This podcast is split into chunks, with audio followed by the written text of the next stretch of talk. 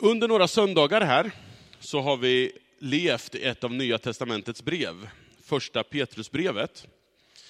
Eh, och i det här brevet så vänder sig Petrus till några kristna gemenskaper i det som numera heter Turkiet. De som har blivit kristna i de här sammanhangen verkar uppleva en sorts utanförskap på grund av sin kristna tro och på grund av det liv som den här tron för med sig. Och Petrus han har börjat det här brevet, som vi har sett tidigare då, så har han börjat i det här brevet med att måla upp vilka de är. Han har berättat om deras identitet som Guds folk och det eviga hopp de är bärare av. Och sen så övergår han till att förklara hur den här identiteten kan ta sig uttryck i praktiskt liv. Och förra gången så såg vi hur de kristna uppmuntrades att utifrån sin nya frihet i Kristus också följa Kristusmönstret av underordnande i sina liv med syftet att göra Guds kärlek synlig för världen. Och på det här sättet så kallas man att vara annorlunda. Och idag så ska vi fortsätta att se på hur Petrus menar att den här identiteten som Guds folk tar sig uttryck genom att välja det goda, trots allt. Och vi ska läsa en text då från första Petrusbrevet 3, vers 8 till 22. Och ni får stå upp så ni orkar lyssna.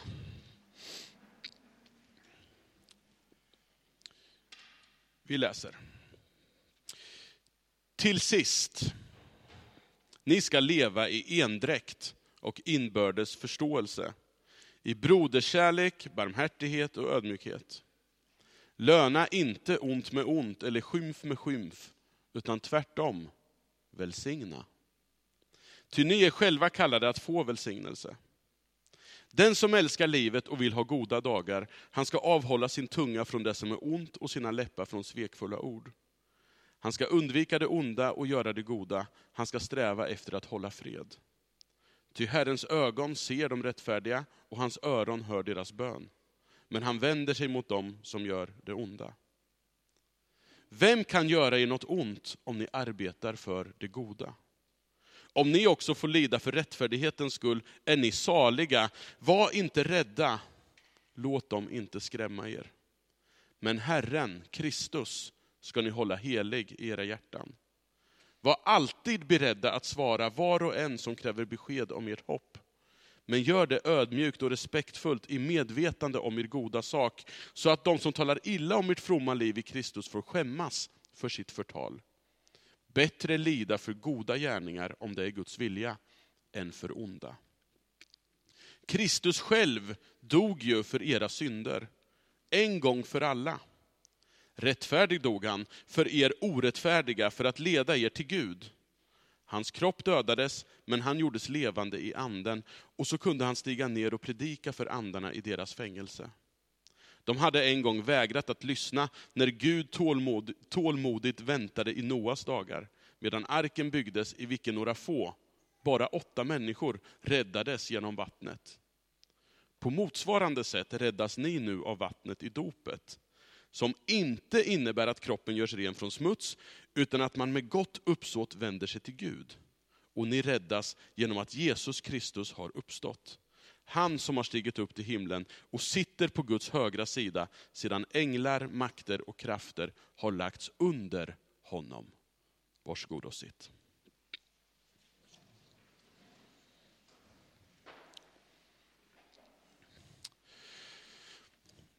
Den här bilden som ni ser framför er, det är en bild som har kommit att beröra mig mycket. Och då tycker ni, ja men det där är väl ingen särskilt spännande bild. Det är ju sällan så med bilder, man behöver veta liksom berättelsen bakom.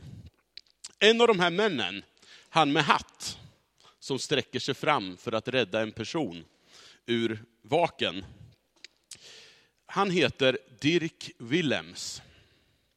Och Dirk Willems, han levde i Nederländerna på 1500-talet. Och den här bilden är tagen från en tidskrift från 1600-talet som heter Martyrs Mirror. Som var en populär tidskrift i Mellaneuropa på den här tiden, sägs det. Mannen som blir uppdragen ur den här vaken, Han var fångvaktare i ett fängelse där Willems hade suttit. Willems satt häktad, eller satt, satt fånge där, och riskerade att bli avrättad.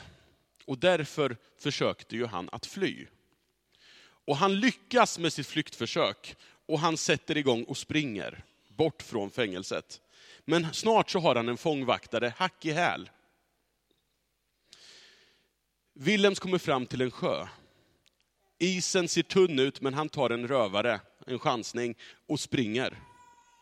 Isen håller för honom. Men snart hör han bakifrån, någon ropar på hjälp. Det är hans förföljare som har trampat igenom. Och istället då för, för att göra som folk, folk som flyr för sitt liv skulle göra, tacka Gud för den här möjligheten att fortsätta springa, så ser Willems bara ett alternativ. Han vänder och drar upp sin förföljare ur vaken. Efter den här händelsen, när han väl har kommit upp den här fångvaktaren ur vaken, så berättas det om att han ville låta Dirk Willems löpa. Men vid stranden så uppenbarar sig borgmästaren. Och borgmästaren beordrar fångvaktaren att gripa Dirk Willems och göra sitt jobb som statens tjänare. Vi återkommer snart till hur det gick för Dirk. Men det Dirk gör här, det är en god illustration på vad Petrus vill att hans läsare ska få tag på. Nämligen en känsla, en iver och en längtan att välja det goda. Trots allt vad det kan komma att innebära. Det första Petrus beskriver i den här texten, det är vad som ska känneteckna den kristna gemenskapen. Ni ska alla leva i endräkt och inbördes förståelse. I broderskärlek, barmhärtighet och ödmjukhet. Löna inte ont med ont eller skymf med skymf, utan tvärtom, välsigna. Ty ni är själva kallade att få välsignelse. Det som Petrus beskriver här, det är inte allmänna karaktärsdrag hos individer. Utan det här är någonting som ska prägla hela kulturen i den kristna gemenskapen. Ordagrant i grundtexten så är det en räcka adjektiv som han beskriver här. I plural. Alltså, var de endräktiga, de inbördes förstående, de broders älskande. Olika kulturer formar olika typer av människor. Med olika typer av ryggradsbeteende. Och Petrus, han verkar se framför sig en gemenskap av människor som reagerar annorlunda på det onda och på skymfen. Därför att man har formats i en annan kultur. En kultur av endräkt, inbördes förståelse, broderskärlek, barmhärtighet och ödmjukhet. Och det intressanta med Petrus här, och här ser vi en väldigt tydlig parallell till både Jesus i bergspredikan i Matteus 57 och Paulus i Romarbrevet 12 som vi hörde läsas som inledningsord här. Det är att den här reaktionen och responsen på skymfen, eller det onda, det handlar inte om att bara acceptera den. Att vara underdånig i någon apatisk passivitet, som att, ja, ja, de är dumma mot mig, men jag gör ingenting. Istället för att agera våldsoffensivt, som man gärna kanske gör, så är man kallad att agera kärleksoffensivt i kamp mot ondskan. Tvärtom, skriver, skriver Petrus, välsigna. Antagligen präglad av Jesus och hans radikala uppmaningar att älska fienden, be för förfölj förföljaren, Gå inte bara en mil, utan gör mer. Gå två mil om någon beordrar dig att göra det. Om någon beordrar dig att ge manteln, ge honom också skjortan. Paulus i den här texten som vi hörde läsa som inledning talar om att man genom att ge sin fiende mat och dryck, alltså genom att göra gott mot fienden, samlar glödande kol på hans huvud. Och Det är ett uttryck då som innebär att man genom godhet och kärlek väcker en fientligt sinnad människa till samvetskval och ånger, läste jag en bra definition på det. Och så avslutar Paulus i det här Romarbrevet 12. Låt dig inte besegras av det onda, utan besegra det onda med det goda. Vi besegrar inte det onda genom att göra inget, utan vi besegrar det onda genom att göra det goda. Längre fram i vårt textavsnitt så skriver Petrus att man ska svara människor ödmjukt och respektfullt i medvetande om er goda sak. Så att de som talar illa om ert goda liv i Kristus får skämmas för sitt förtal. Så genom att göra det goda i respons på ondska, så bekämpar man den ondska som i så hög grad behärskar världen. Och så gestaltar man istället en alternativ ordning som i slutändan kommer att segra genom Jesu liv, död och uppståndelse.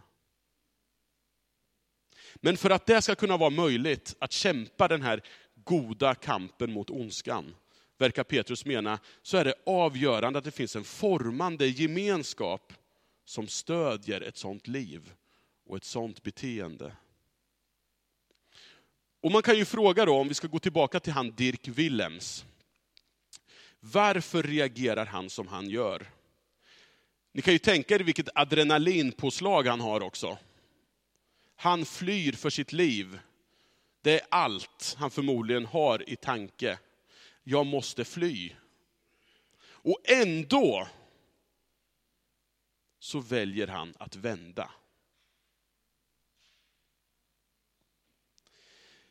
Bara någon gör så som har formats i en gemenskap där man ständigt sätter andra, till och med sina fiender, högre än sig själv. Och det här är en övertygelse som efter lång tid i en formande gemenskap förmodligen satt sig i kroppen på honom. Anledningen till att Willems från början blev fängslad, det var hans engagemang och ledande ställning inom den så kallade anabaptistiska rörelsen på 1500-talet. Och den här rörelsen uppstod som en gren av reformationen. Och anabaptismen blev en sorts, sorts tidig frikyrkorörelse, där man med Bibeln som grund betonade att den kristna församlingen inte var synonymt med alla människor som bodde inom ett visst geografiskt område, utan de som frivilligt trodde och ville följa Jesus. Och Det här valet markerade man genom dop, varför man också tillämpade då troende dop inom den här rörelsen. Och därav namnet anabaptister, omdöpare, som deras motståndare gav dem, för de tyckte att det här var ju en skymf mot den etablerade kyrkan att, att döpa om. Medan de tyckte att vi döper inte om, utan det är det här dopet som är dopet och så vidare. Därav namnet. Hur som helst, så betonade man inom den här rörelsen just efterföljelsen av Jesus. Som varje troendes kallelse. Och därmed i, ett, i de flesta fall ett konsekvent avståndstagande till våld i alla former. Men man betonade också hur den formande gemenskapen var en förutsättning för att kunna följa Jesus. Och Dirk Willems, han var formad i ett sådant sammanhang, där man tillsammans läste evangelierna och i gemenskap funderade på och försökte följa Jesu exempel. Församlingen begränsades inte till, till en gudstjänst en gång i veckan och deltagande i sakramenten och så vidare, utan man delade livet och funderade på hur blir Jesus synlig genom mitt sätt att leva? Taget till vårt sammanhang då. På vilket sätt är församlingen en gemenskap som formar oss till människor som väljer det goda? Trots allt vad det kan innebära för min egen komfort. Den här texten utmanar oss till att vara öppna för varandra och tillgängliga för att låta Gud använda gemenskapen för att forma mig, mitt beteende och mina ryggmärgsreflexer. Dirk, Dirk håller ju inte på att resonera med sig själv innan han vänder, utan det är någonting som är självklart för honom i det läget. Det är någonting som har satt sig i hans kropp. En formande gemenskap.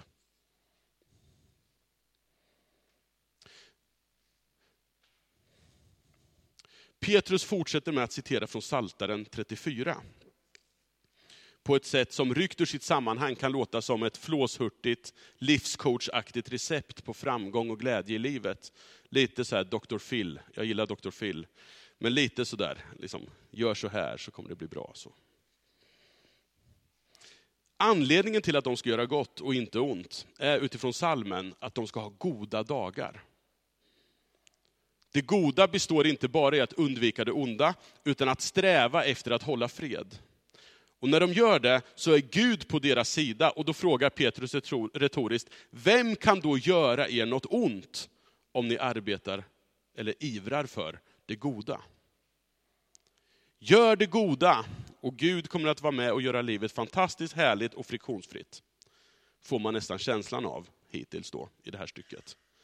Men så upprepas det här temat från tidigare i brevet. Om ni också får lida för rättfärdighetens skull är ni saliga. Eller lyckliga. Bättre lida för goda gärningar om det är Guds vilja, än för onda. Här gör Petrus upp med alla eventuella funderingar på om det är framgångsteologi han håller på med och presenterar här. Det goda livet i den här världen kommer inte per automatik innebära bekvämlighet och det vi lägger i begreppet framgång i form av god hälsa och materiellt välstånd. Tvärtom så är livet i det godas tjänst ofta mer kantat av negativ respons, hån, förakt och förtal. Men, menar Petrus, hans läsare är lyckliga ändå, eftersom det är för rättfärdigheten de lider. Rättfärdigheten innebär nämligen en ny relation med Gud, som bär bortom det här jordelivets gräns. Lidandet är enbart ett temporärt problem, medan det liv som karaktäriserar rättfärdigheten, och för vars skull de tillfälligt får lida, aldrig kan förstöras, fläckas eller vissna. Och nu tänker vi så här att vi, vi som är här idag, vi kanske inte är anhängare av framgångsteologi i dess mest extrema form. Det vill säga att vi bedömer tron utifrån hur god hälsa eller ekonomi vi har. Men präglade av en bekvämlighetssökande och säkerhetsknarkande kultur, så kanske vi ibland kan ha svårt att förhålla oss till att lidandet kan vara en del av livet med Jesus. Lidandet, tänker vi ofta, är ju snarare något som Jesus ska hjälpa oss från. Och vi har ofta svårt att acceptera lidandet som en del av livet. Men det finns inga som helst garantier för, på den här sidan graven, att bara vi gör gott så kommer allt bli gott och väl. Det finns inga sådana garantier.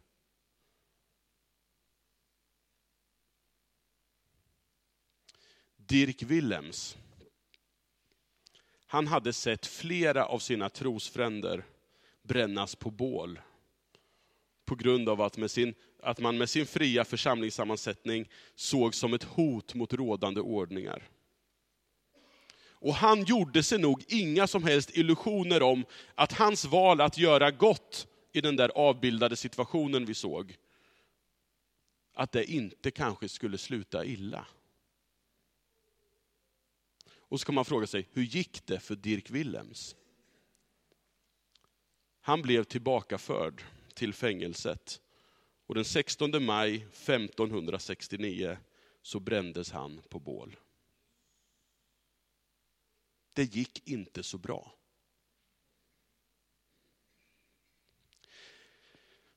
Och man kan ju fundera, han måste ju ha burit på ett större perspektiv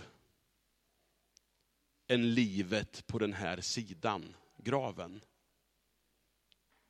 Om vi ska orka välja det goda, trots allt vad det kan innebära, så behöver vi förutom en formande gemenskap också knyta upp vårt hopp till någonting mer. Och det är det som Petrus kommer fram till mot slutet av det här stycket. Nämligen Jesus Kristus och hans uppståndelse från de döda. I det här avslutande och något kryptiska stycket i kapitel 3, så visar Petrus hur hans läsare genom att lida för att de gör det goda, blir delaktiga i Jesu lidande. Och därmed också, och framför allt, i den seger som är ett faktum i och med hans uppståndelse från de döda. Slutet på vers 18 och vers 19 har genom historien förbryllat många och har varit orsak till en del mer eller mindre spekulativa läror om vad Jesus kan haft för sig mellan död och uppståndelse. Där det berättas om att han var i anden. Att han for till, så kunde han stiga ner och predika för andarna i deras fängelse för att han gjordes levande i anden. Men vad som åsyftas här, utifrån resten av stycket utifrån en biblisk syn på, på kroppen och uppståndelsen, så, så verkar det av allt att döma vara Jesu död och uppståndelse. Att ha levande gjorts genom anden, som grundtextens lydelse innebär, innebär att genom Guds ingripande så har Jesus uppstått. Med en kropp som inte är märkt av den här tidens förgängelse och sårbarhet.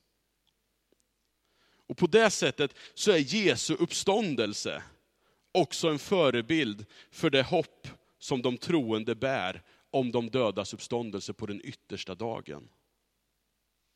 Efter uppståndelsen på den tredje dagen, den där första påskdagsmorgonen, så har det en gång för alla förkunnats och blivit känt för alla makter, krafter och herravälden att de är besegrade hur mycket de än fortfarande verkar ha makten i läsarnas omgivning. Genom den våld, den lögn och den död de ser omkring sig. Och Den här tolkningen får ju också sin bekräftelse genom hur kapitel 3 avslutas. Från kapitel 3, 21. Och ni räddas genom att Jesus Kristus har uppstått han som har stigit upp till himlen och sitter på Guds högra sida, sedan änglar, makter och krafter har lagts under honom. I det här stycket så använder Petrus en mängd bilder och referenser för att poängtera att i dopet till Kristus så är man delaktig i både lidande och död, men framför allt i uppståndelsens seger. Så trots allt som just nu är motigt, så finns det en garant för att allting, alla makter, alla krafter, allting som gör livet ruttet och surt, har lagts under honom.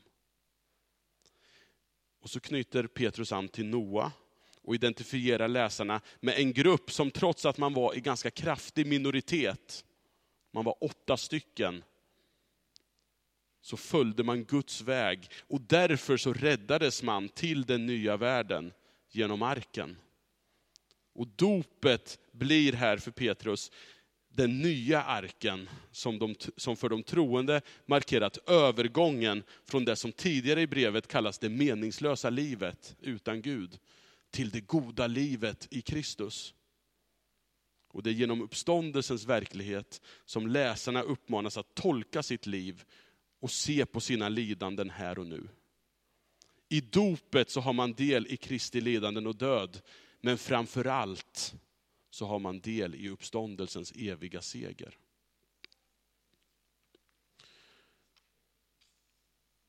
Som troende och som döpta så är vi kallade att välja det goda.